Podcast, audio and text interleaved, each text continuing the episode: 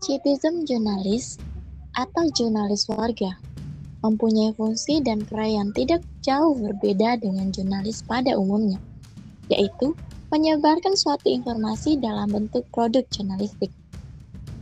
Namun, masih banyak terdapat kesalahan yang terjadi dalam penulisan informasi.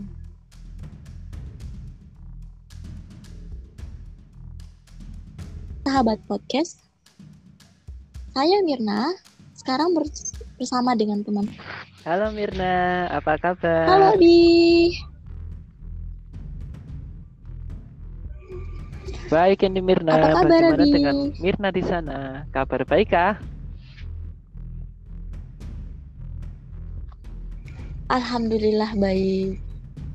Bagaimana keadaan di daerahnya Abi selama ada Jadi kabar dampak baik dari COVID? Kebumen kemarin itu pernah menyentuh angka nol kasus. Yeay.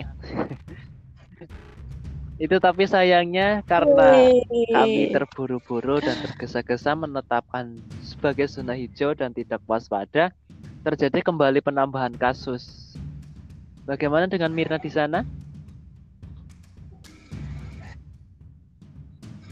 Eh, Alhamdulillah ya tempatnya aku tuh desa banget. Jadi nggak ada covid-covid. Tapi ini sih di ini daerah Ya. kota ya lumayan sih. Nggak sampai masuk zona merah tapi ada lah yang Tidak sebanyak di sini kan? udah kembali. Iya, alhamdulillah enggak. Oke. Kembali ke ini dong. Kembali ke Back to materi. the topic. Kembali Jadi kita mau bahas apa ini topik kita? Jadi kita hari ini kita bahas citizen jurnalis warga. atau bisa disebut dengan jurnalis warga. Apa itu? Citizen Citizen jurnalis jurnalis. atau jurnalisme warga adalah proses pengolahan. Eh, sebelum pengolahan itu diawali dengan pencarian informasi, pengumpulan data-data gitu. Baru dilanjutkan ke pengolahan atau tahap editing yang kemudian baru dipublikasikan eh, melalui media online. Jadi beda dengan jurnalisme pada umumnya ya yang disebarkan itu melalui televisi, radio, koran ataupun majalah. Jadi jurnalisme warga itu medianya itu kayak media online gitu seperti website, blog ataupun media sosial.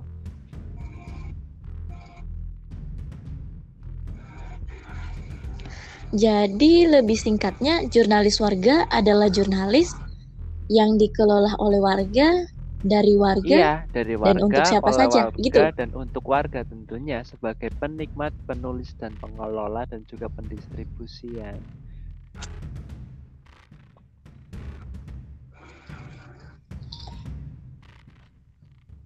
Halo Mirna, apakah sinyalnya lancar? Aduh signalku Aku tinggal di desa banget sih ini Sama. aja. Signalnya susah Nah jadi eh Jurnalis warga ini Ada perlindungan nggak sih? Menjadi Profesional. Apa? Jadi Oh, oh. apakah Ya, jadi apakah jurnalis jurnal- warga ini mendapatkan perlindungan hukum layaknya profesional atau wartawan jurnalis profesional seperti itu? Jurnalis pada umumnya Heeh, Kalau sekarang itu masih Eh, belum iya, ada sih ya payung hukum yang jelas untuk melindungi para jurnalis warga ini.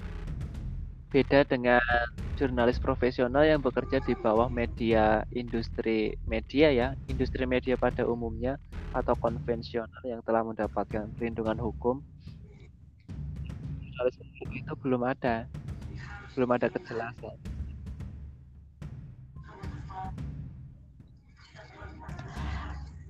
Di tempat Abi banyak nggak si, si ini Banyak jurnalis sih. warga ini? Citizen journalismenya itu yang paling update dan up to date itu di fanspage Facebook berita Kebumen. Jadi di situ ada update berita yang dikelola oleh warga tentunya. Banyak berita-berita update tentang Kebumen dan sekitarnya. Oh, jadi yang itu ya, yang di Facebook itu yang kayak uh, apa? Iya. Kebumen hari ini, Ada. iya nggak sih? Ada nggak sih yang kayak gitu? Kalau di situ gimana, Mir? Info Kebumen. Kalau di tempatku sih ada yang kayak gitu juga. Dan itu penulisannya kayaknya kurang mendalam deh. Kurang mendalam ya. Ya karena menurut menurut para ahli juga Iya, kita sebagai jurnalis warga atau teman-teman kita sebagai jurnalis warga itu perannya hanya melaporkan bukan sebagai investigator kayak mereka yang sudah profesional. Jadi kalau kurang dalam ya mungkin wajar saja.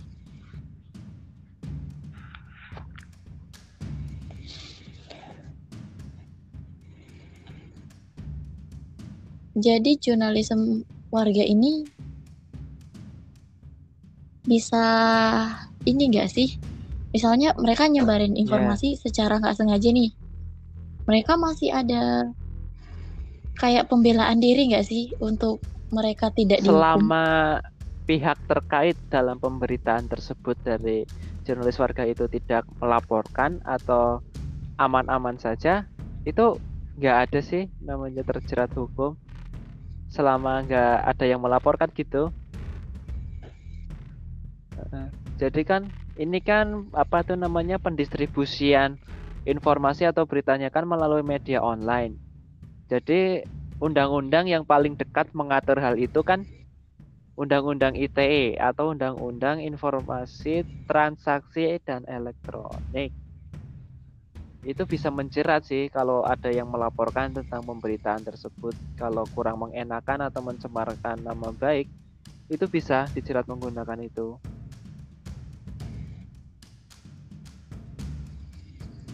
Harusnya sih ini untuk yang jurnalis warga ini lebih berhati-hati ya kayak penyebaran informasi atau penyebaran gambar-gambar yang mereka Iya, betul.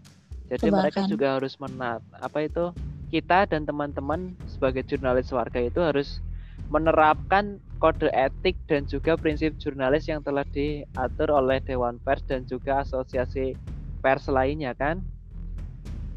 Nah, contoh nih ya, kasus di berita Kebumen. Ini masih hangat atau enggak ya? Itu kemarin atau tadi pagi aku lupa. Tapi di situ ada berita yang memberitakan tentang penyebaran gambar atau foto telanjang dari mantan kekasihnya oleh seorang pria. Di dalamnya itu masih menyebutkan nama. Nama korban ya. Iya, jelas jelas-jelas nulis nama. Tulis Tapi nama kalau ya. sekarang udah diedit atau belum, aku belum cek lagi ya. Tapi saat aku terakhir baca itu masih menyebutkan nama, nama si korban. Kalau si pihak keluarga dari korban ini ingin menuntut si pemberita atau si jurnalis warga ini bisa saja menggunakan Undang-Undang ITE atas dasar pencemaran nama baik.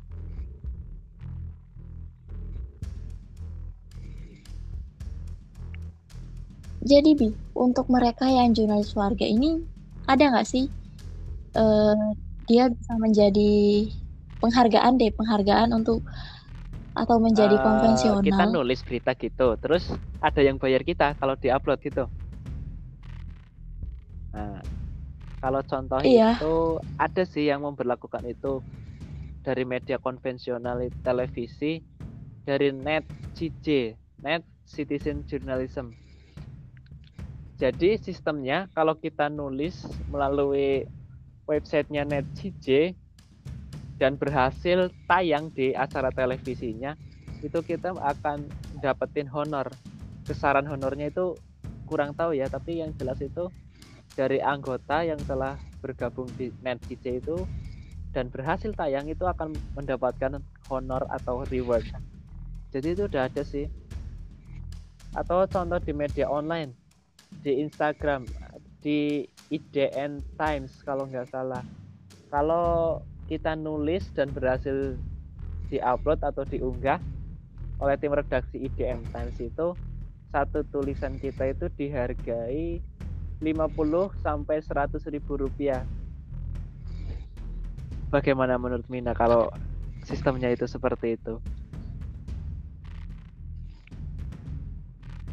Ya kalau sistemnya seperti itu sih udah lumayan bagus ya. Maksudnya memberi semangat buat para citizen jurnalis ini buat untuk terus belajar dan memperhatikan kode-kode etik. Karena se apa ya pastinya buat mereka yang udah mendapat penghargaan itu dan bisa dibayar mereka udah memperhatikan iya, kode benar. etik jurnalis mereka kan? sudah apa itu namanya memenuhi komponen layaknya seorang jurnalis profesional dan mereka yang belum tentunya tidak akan diupload kan tidak akan diunggah dan meningkatkan motivasi yang belum diunggah ini untuk meningkatkan kualitas tulisannya dan juga penerapan prinsip dan juga kode etik jurnalis itu sendiri. Gimana? Bi, aku pengen nanya. Menurut Abi, ini kan yang paling marah ini yang yeah. di ya. Twitter sama yang di Instagram. Nah, menurutnya Abi, kan pengguna Instagram itu kayak orang oh. yang berpendidikan ya. ah. ya lebih banyaknya. Nah, menurut apakah yang di Instagram itu para sistem journalism ini udah memperhatikan kode ya, etik? Instagram. Kalau sepengamatanku itu iya. sudah sih ya. Udah banyak yang pakai kode etik dengan yang paling jelas itu melindungi privasi dari pihak terkaitnya kayak seperti korban pelecehan seksual. Mungkin di gambarnya udah ya tapi kalau kita baca lagi ada diksi pekerja seksual atau mungkin apa itu namanya penyudutan wanita yang jadi korbannya itu yang terus diekspos tapi kok cowoknya enggak itu kan enggak ada keberimbangan di situ ada masalah masalah serius. Iya. Penggunaan hmm. kata juga ya. Harusnya lebih iya, memilih penggunaan misalnya, kata yang benar iya. ya. Biar menghindari. Jadi kak misalnya seperti penggunaan PSK mungkin bisa diganti dengan teman wanita atau mungkin apa ya yang bagus coba. Mirna punya kata yang bagus nggak untuk menggantikan kata itu?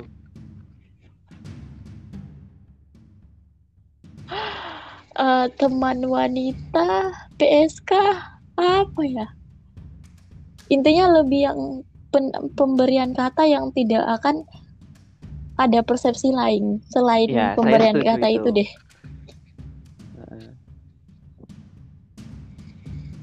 nah harapannya Abi buat si jurnalis warga ini apa Kalau ke depannya gimana? Pribadi itu tentunya aku dan teman-teman lain itu bisa meningkatkan kualitas tulisan jika menulis sebuah berita dan akan diupload dan kita dianggap sebagai jurnalis warga. Jurnalis warga itu bisa meningkatkan kualitas tulisannya itu loh. Dengan mungkin nggak mungkin sih, tapi bisa menyamai dengan profesi jurnalis profesional itu loh yang seperti di media konvensional lainnya kualitas informasi yang kita sajikan itu dapat bersaing dengan mereka. Jadi profesionalitas profesionalitas kita itu tidak diragukan lagi. Jadi dan diharapkan juga ya ya pastinya memperhatikan kode etik ya kode etik iya, jurnalis pada sementara kita berpacu atau berpaku pada kode etik yang disusun oleh Dewan Pers dan prinsip-prinsip lainnya juga itu harus diterapkan dalam tulisan kita. Kalau Mirna gimana harapannya? Ya harapannya ya itu berpacu pada kode etik, memperhatikan apa ya? Yang paling parah itu kan sekarang itu di media sosial ya. Jadi harusnya penggunaan kata penyampaian ini nih, pengambilan foto itu harusnya lebih diperhatikan. Soalnya kan untuk saat ini kan masing-masing udah banyak punya HP langsung cekrek cekrek di mana-mana dapat apa langsung harusnya mereka itu lebih memperhatikan kayak misalnya mereka ambil foto ini nih. Dampak buat mereka apa? Dampak buat keluarga korban apa? Harusnya sih seperti itu. Jadi kita itu sebagai jurnalis warga itu saat mengambil foto sebagai bukti kuat itu memperhatikan sensorik ya. Eh bukan sensorik sensor. Jadi ada sensor di situ ya.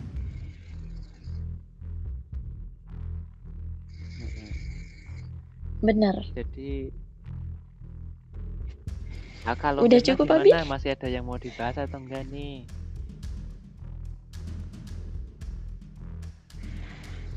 Menurut saya udah cukup deh. Ntar kalau misalnya ada pengen dibahas Tapi lagi, kita lanjut di part 2. Jadi kali ini cukup sekian.